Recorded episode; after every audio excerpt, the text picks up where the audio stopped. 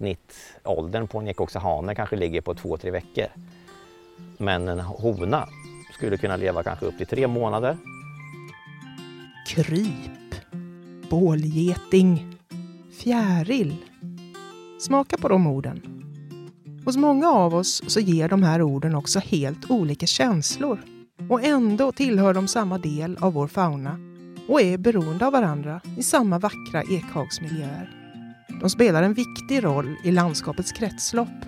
Både i början av växternas livscykel som pollinatörer, men också som nedbrytare och bearbetare av död ved. Som mat till fåglar och andra djur. Insekterna i ekhagen är fantastiska och ofta helt unika för den här blandade miljön. De är specialiserade på sina nischer.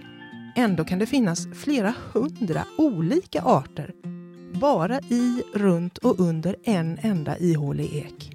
Så eh, ta fram förstoringsglaset och glasburken nästa gång du tar en promenad i vår ekhage. För nu, nu går vi på insektssafari. Nu står jag här på parkeringen utanför Västerby lövskogar och väntar på Niklas Jansson. En person som antagligen kommer ge mig en helt ny blick på det här med naturpromenader i den här vackra ekhagen. Niklas är ju biolog och specialist på insekter. Jag vet att han brinner lite extra för just de här miljöerna eftersom de är så artrika. Nu ska vi ut i Nordens Amazonas, har han sagt en gång. Det låter helt fantastiskt.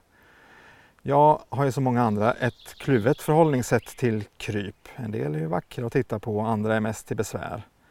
Jag vet inte riktigt varför, men så är det ju. Kanske har man präglats i barndomen, kanske är det esteten i mig som tycker att fjärilar är vackrare än små skalbaggar. Hej Niklas! Hallå där! Kan inte du berätta om vem du är? Ja, jag är väl en entomolog. Alltså en eh, person som har specialiserat sig på insektsvärlden. Och eh, jag jobbar på Länsstyrelsen med naturvårdsfrågor. Men eh, det mesta jag håller på med är någonting kring gamla träd och deras insektsliv. Eller får jag bestämma själv så handlar det om det. Och det här området, en ekhagmark, varför är det så spännande tycker du? Det är här vi har den högsta mångfalden. Och man kan ju tycka att vad sjutton, det är inget prunkande liv här. vi ser ju ingenting. Men det är precis likadant i regnskog. Man hör massa ljud och det fladdrar lite grann. Men när man går ner på marken så där ser man inte mycket. Men här finns det mycket? Här gömmer de sig.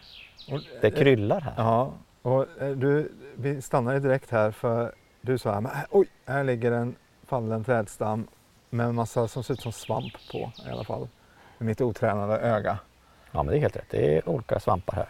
Eh, och de här lever ju på att bryta ner veden här på den här lågan, alltså ett dött träd som har legat här ett tag. Och utan de här svamparna då är det ganska få av de skalbaggarna som jag är intresserad av som kan leva här. För ett träd, den veden, den är så hård och svår att bryta ner. Så det klarar inte insekterna själva. Och de här larverna då, som från vedskalbaggarna. Utan de måste ha hjälp av svampar. Att bryta ner cellulosa och bryta ner ligninet som är de två viktigaste komponenterna i veden. Så det här blir snart en buffé för dina favoritinsekter? Det är en buffé redan. Vet, några käkar svamparnas fruktkroppar, några käkar deras mycel och en del lever på de produkter som de blir när svamparna sugit ur veden. Så om vi går närmare och tittar, vad tror du att vi hittar för någonting? Det kan man aldrig veta, det är det som är så spännande. Ska vi kolla för att I den här miljön så har vi 550 olika skalbaggsarter. Du, luk du luktar? Ja, jag känner hur det luktar. Det här är ju en av de bästa dofterna i naturen. Hur ska du beskriva doften? Det luktar ju svamp, alltså jag kan inte säga något annat. Det är ju fantastiskt. Det, jag tror nog de flesta tycker att det luktar gott om kantareller och andra svampar som man hittar i naturen. Och, så alla har en speciell doft. Och den här, som jag tyvärr inte vet vad den heter, den har ju också en otroligt... Det, jag tror det är aktiviteten när den här nedbrytningen pågår. Va? Då blir det en slags, slags gas. Så jag kan förstå att baggarna dras till den här. Mm. Deras näsor som de sitter på antennerna för det mesta. De känner det här på kanske kilometers avstånd. Så den hona bland skalbaggar som vill lägga ägg då i, i den här miljön, alltså den veden som Om vi tittar lite i mossan här va. Riktigt mörken och gammal. Det här, är, men det här ska man knappt säga att det är ved. Utan det är, Titta, Oj, oj, vad har vi där? kryllar det inte? Det är bara, ja, absolut, vi skriver. Så det här är flera olika, olika kortvingar. De här är predatorer säger vi biologer. Det betyder att de är rovdjur. Larv. Och när de finns, då vet man att då finns det massa käk. Så att i den här miljön så blir det en hel kedja med arter då, som går efter varandra. Wow. Och det där var ju de som är en bit upp i kedjan. Och de, de har förmodligen prederat på larver då efter, på andra skalbaggar. Och kortvingar som vi ser här, Mm. det är den största familjen. Över tusen arter. Bara i den här skalbaggsfamiljen så finns det. Okej, eh, och du kan se skillnad på allihopa? Nej, det kan jag inte. Det är den svåraste familjen. Det är det? Ja. Ja. Så att, eh, ja, det här är fint. Och under mossan här, va? den här mossan håller ju fukten. Mm. Så här kan svamparna fortleva. Och du ser vad små de kan vara. Här. Där har vi en till. Där ser du. Ja. Så det här är ändå en stor kortvinge. Den är två millimeter ungefär. ja. Men är den där fullvuxen? Ja. Ja. Alla- är större? Alla skalbaggar är ju vuxna när man ser dem. Jaha. Så deras barnliv, det är ju larvstadierna. Om man ser till exempel, man kan tänka att en liten ekoxe, ja den ska ju växa. Men det gör den inte, den har bara fått lite mat under sin larvperiod. Så de kan ju va- variera i storlek inom arten. Men det är bara hur mycket käk de har fått som styr. Nu, nu kommer du in på något spännande och det är ju ekoxar. Ja, det är kungen. Det är kungen. Ja, det är ja. Det är den som är anledningen till att jag nästan eh, fastnade för Det är det. Ja. För jag drömde om det hela mitt, mitt barnliv. Alltså. Du drömde om ekoxar, Och det jag inte visste var att det fanns inga ekoxar i Motala kommun där jag växte upp. men du letade? Letade och letade. Ja. Men du, här vet jag att det håller åtminstone på att förberedas för etablering av ekoxar. Eller hur finns det ekoxar här tror du? Det finns ekoxar, vi är helt rätt eh, miljö. Mm. Det är fyra, fem kanske kommuner där man kan hitta ekoxar Mm. lite lätt. Och det är Mm. södra Linköpings kommun, Mm. Vänern, där finns det. Eh, vad, vad, ekoxa är ju en, det är en hotad art. Eller Den är hotad. Vi har väl ganska bra i Sverige men framförallt är den ju skyddad Mm. i hela unionen, hela Mm. EU. Mm. Så den är ju starkt skyddad och eh, anledningen nu att vi kanske kommer kunna se en sån här ekokompost alltså, så att man liksom bygger för dem Mm. en artificiell miljö. Mm. Det är att EU har sponsrat vårt projekt. Mm. De, de ger pengar till sådana här lite extra hotade arter som är skyddade i hela unionen. Du, innan vi pratar mer om ekoxekomposter så går vi dit och kollar. Japp. Ja, nu gick ju vi en liten bit här från det där gamla mörkna trädet med svamp och kortvingar på. Så har vi nu kommit till en ekoxekompost och det är ju som ett gäng stubbar som plötsligt dyker upp här. Det, det märks att någon människa har varit inblandad men det, om man inte vet vad det är så fattar man inte ett smack av det här. Kan du beskriva vad det, vad det är vi ser? Ja, i och med att ekoxen då som larv, den vill ha döda lövträdsdelar, veddelar under mark. Och det är det som är, det är lite brist på det i landskapet. Så det, det, är, som- det är skog som täcker största delen av, av eh, Östergötland. Och eh, i och med att det blir brist på, på lövträd så gör vi så här istället då. Eh, så det efterliknar egentligen en lövträdsstubbe. Och så vi har grävt ner då stående stockar här av ek och björk och asp. Och sen runt stockarna lägger vi ofta eh, spån eller flis. Så det här ska liksom, det är en simulerad gammal ekstubbe eller ett döende träd kan man Ja. säga. Det- För här inne, om man tittar, det finns inte det här inne då, i, det, i ekhagen? Just precis här kanske det kan finnas en och annan gammal stubbe. Man kan säga att här boostar vi lite grann, vi lägger till lite extra. För det som är bra om man får upp många individer, det är att då är det större chans att någon av dem hittar långt bort och kan sprida sin, eh, sina avkomma, avkommor. Och du, eh, ekoxen är ju larv huvuddelen av sitt liv. Kan du berätta om ekoxens livscykel? Ja, nu kläcker de precis nu. Den här årstiden. Eh, Nu i början på juni. Har de bara parat sig, då kommer honorna leta rätt på sådana här. De hittar det här första året. De är så duktiga på att känna, eh, känna doften så att hit hittar de, lägger sina ägg. Hon till och med tuggar en liten gröt av veden som hon lägger ägget i. Och sen planterar hon en liten svamp också bredvid ägget som kan hjälpa till att bryta ner veden. Sen tar det 4 till 5 år ungefär för larven att bli vuxen. År, fyra till fem År. år. Jajamän. Och senare i sommar nu, säg att en larv är 4-5 år, då skulle den puppa sig. Då bygger den en kokong dessutom, som är skyddshölje då. Sen kläcker skalbaggen inne i den här kokongen. Och hur stor är en sån här kokong ungefär? Ja, det är som hannen, den är ju stor som ett hönsägg. Oj, Eller till och med större än det, lite avlång till och med. Sen ligger färdiga skalbaggen där. Från september ungefär fram till slutet maj, början juni nu. Då kläcker den liksom, eller spräcker skalet, ungefär som ett Kinderägg eller vad man ska säga. Mm, Då mm. kläcker den. Va? Och sen lever ju hannen ganska kort tid. Den exponerar sig så mycket, den flyger omkring och lite dundrar och- och sen blir uppäten ganska ofta av någonting. Så jag ska gissa på att snittåldern på en ekoxahane kanske ligger på två, tre veckor. Men en hona skulle kunna leva kanske upp till tre månader. det är fascinerande ändå om man tänker att, men, att, den är, att det är många, många år eh, som larv. Och sen som det som vi tänker på som ekoxar, det är bara en liten parentes i livet egentligen för, för den här varelsen. Man kan väl säga att de har, de har ett stort party på slutet. Tänk om man fick avsluta sitt eget liv på det sättet. Ja, Ja. men det, det är aldrig repris. Det blir bara en gång då tyvärr. precis, precis. Du, vad har du med dig för ramar där? Vad är det för... Jag tänkte vi, bara för att få se hur de ser ut. Och här kan man också se hur, vilken stor skillnad det kan bli på hur mycket de har ätit. Okej. Så den här stora rackaren, den här har fått mycket mat än ekoxahannen här. Mm. Och här har vi en, en annan individ som bara kanske en tredjedel så mycket eh, stor volym, Mhm. kroppsvolym. Okej. Men det är, det är en hane också och den eh, funkar ju den här. Men du, om de här två skulle konkurrera om en hona, Mm. vad skulle hända då? Nu är det så bra funtat. Den lilla han vet att den är liten. Okej. Så att han, han slåss inte med den stora. Nähä. Utan den stora slåss, slåss mest med stora. Han bryr sig kanske inte ens om den här lilla skiten. För de brukar fightas med varandra, med Mm. de där hornen. Yes. Ja. Och då medan honorna sitter och väntar på att den största ska vinna. Då passar de små på. Nähä. Jo. Sen kallas sneakers kallar vi dem inom biologin. De Jaha. som undviker att slåss utan passar på.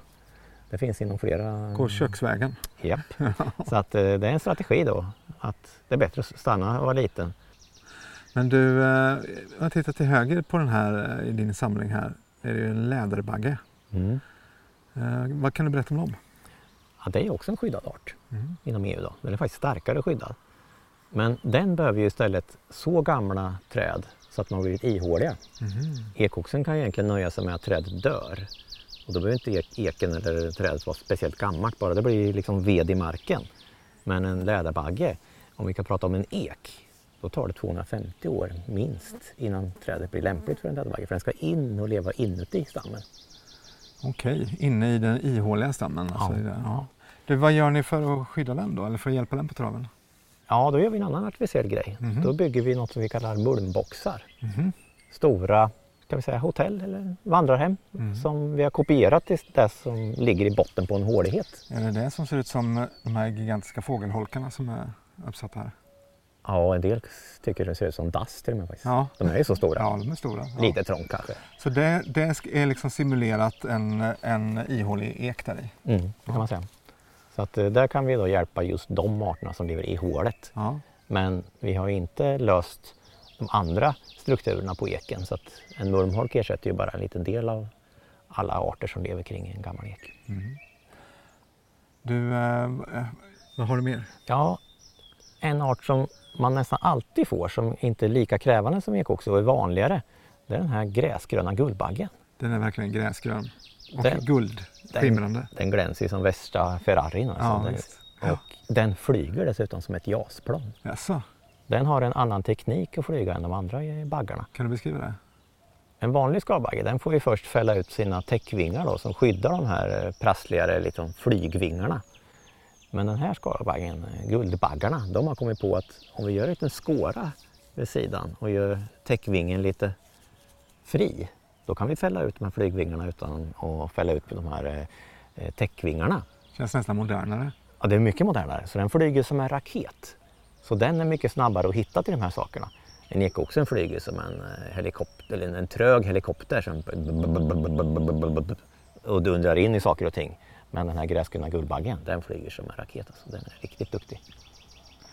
Är, den, om, eh, är- det så man får syn på dem? Om man är ute och spanar efter de här riktiga praktbaggarna som du har här. Vad är, liksom, vad är det för, hur får man syn på dem?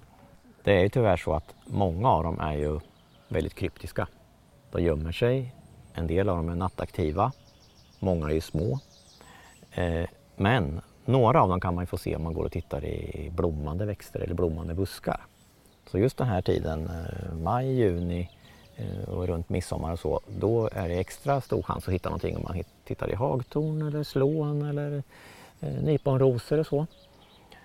För några av dem är pollenätare och det är ofta honorna som behöver det för sina äggstockar.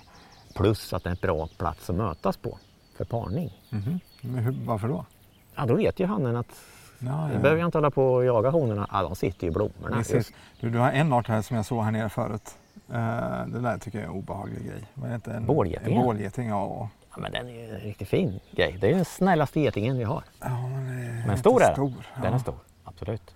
Och det som är lite spännande här i, i sådana här fina miljöer är att då har bålgetingen med sig lite kompisar mm -hmm. som flyttar in i samma hålighet där de har byggt sitt bo. Så eh, bålgetingen bygger bon, eh, hur, hur, hur då? Och vart? Den gör ju samma typ av bon som de små getingarna. De tuggar ju också papper. Men de gör ju större bon och sen i och med att de är starkare så bygger de ett bo som är beige istället. Mm. De, när de gnager på veden för att göra papper så får de inte bara med sig den yttersta grånade veden utan här de kan gå in lite i veden vilket gör att de, kulören då på ett bålgetingbo är lite mer beigefärgat, brunbeigefärgat. Men runt boet så springer de omkring lite skalbaggar och den som ser längst ner till höger här, den heter bårgetingkortvinge. Den är nästan två centimeter lång. Mm. Och den lever som ett rovdjur kring bårgetingens näste då, för att det är mycket annat liv där. Okay. Ja, nu Niklas, nu är vi framme vid brynet här mellan det här öppna fältet eller nu är det fårhage här inne. Här är en ekoxekompost till och den är, verkar, här verkar myrorna trivas också. Är de bra eller dåliga i det här fallet? Om vi ska tänka just de arterna som vi vill gynna här, ekoxar och annat, så just när de kläcker så är det stor risk för dem. Då, då kanske de blir fångade av eh, myrorna. Det är stackmyror, de är lite aggressiva. Men eh, har bara larverna kommit ner under jord här, då eh, kan de känna sig säkra trots allt. Men totalt sett så decimerar man lite grann eh, antal arter och mängden insekter som utvecklas just i den här komposten. Då. Du, eh, om vi tittar uppåt då. Här står vi liksom med trädkronor ovanför oss. Vad, kan man, vad tror du att man skulle kunna se här? Om det är rätt år, det varierar det där. Men man brukar prata om vecklarår. Aha. Och då, då menar man egentligen ekvecklaren och dess kompisar. Som alltså äter upp eklöven. Och man kan, jag skulle tro att det är så att eklöven smakar lite mindre surt. På, men inte lika... Vissa år alltså? Ja, på, tidigt på våren. Aha, okay, så det är lite lättare för dem att äta upp de här eh, löven då. Alltså att de kan ju äta upp hela, hela kronorna helt tomma på löv. Och just här ser vi ju inte det. Men definitivt att de larverna finns här. Så att, alltså mycket larver från nattfjärilar är det. Det är vecklare och mätare och flyn och ett helt gäng batteri med arter som äter eklöv. Tittar man lite senare på säsongen då är det ju till exempel en dagfjäril som är lite vanlig i eklandskapet som flyger upp på den eklöven heter eksnabbvinge. Mm -hmm. Men eh, hur högt flyger den? Då? Ja, har man tur så kommer den ner så här på 2-3 meters höjd så man kan få se den lite grann. Men oftast är det mer på 5-10 meters höjd. Du, eh, mer om fjärilar, för det förknippar man också lite grann med det här landskapet känner jag. Jag vet inte varför, men eh, vad, vad, finns det mer för fjärilar här?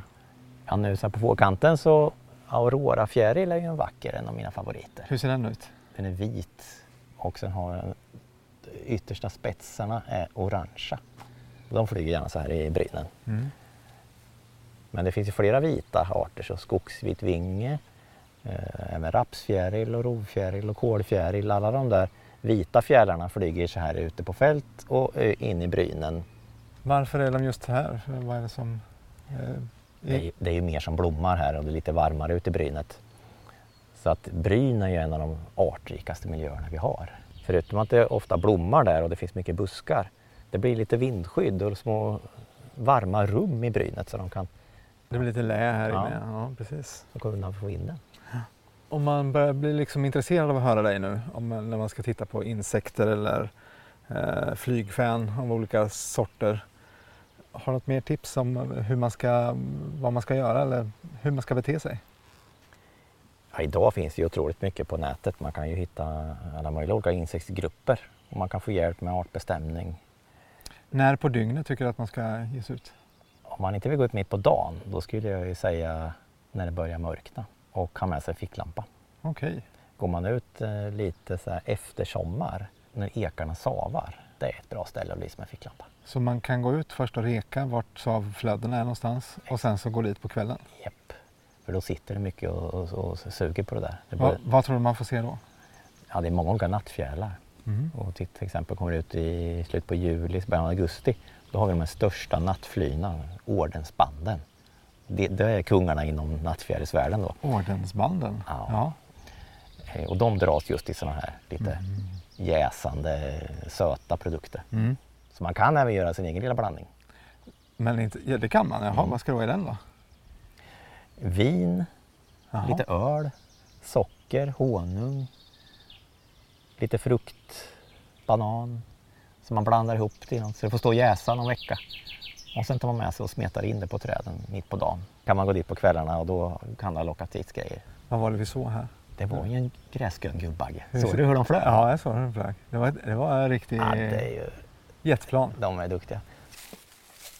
Nu kommer vi ner till den här eh, rastplatsen här nere med bänkar och den här grillen och en eldstad. Du dök direkt på en gammal sälj som står här. Varför då? Ja, men den är ju magnifik. Ja, den är stor. Det är sällan man ser sådana här riktiga praktexemplar säljar. Och eh, dessutom är den ju ihålig. Mm.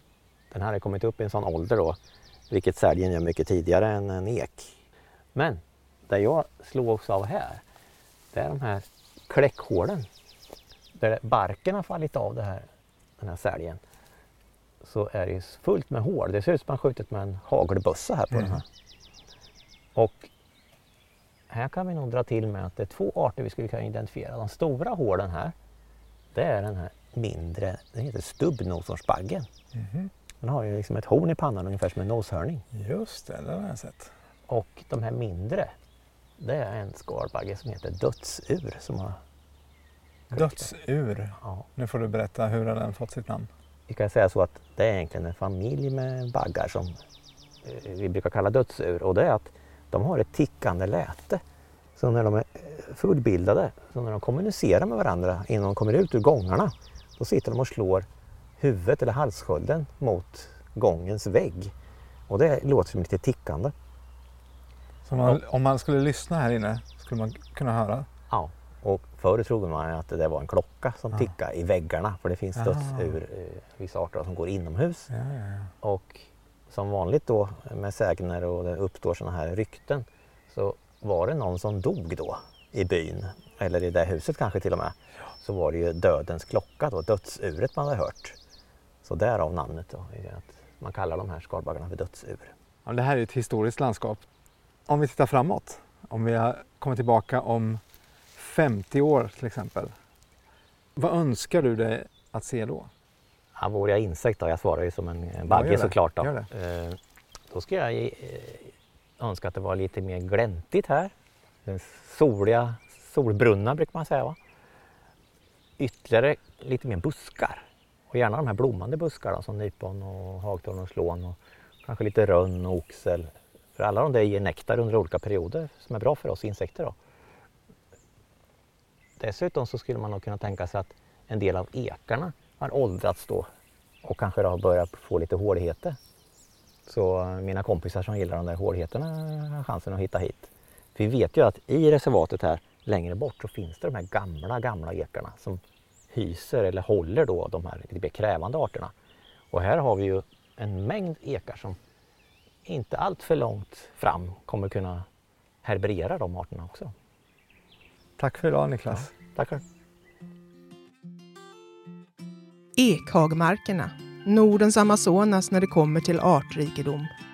Tänk så nära de ligger ändå och så lättillgängliga för oss alla.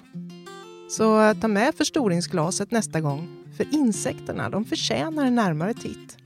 Och respekt för den uppgift som de har i vår natur. Och du, glöm inte lyfta blicken. Kanske får du se en eksnabbvinge dansa i trädkronorna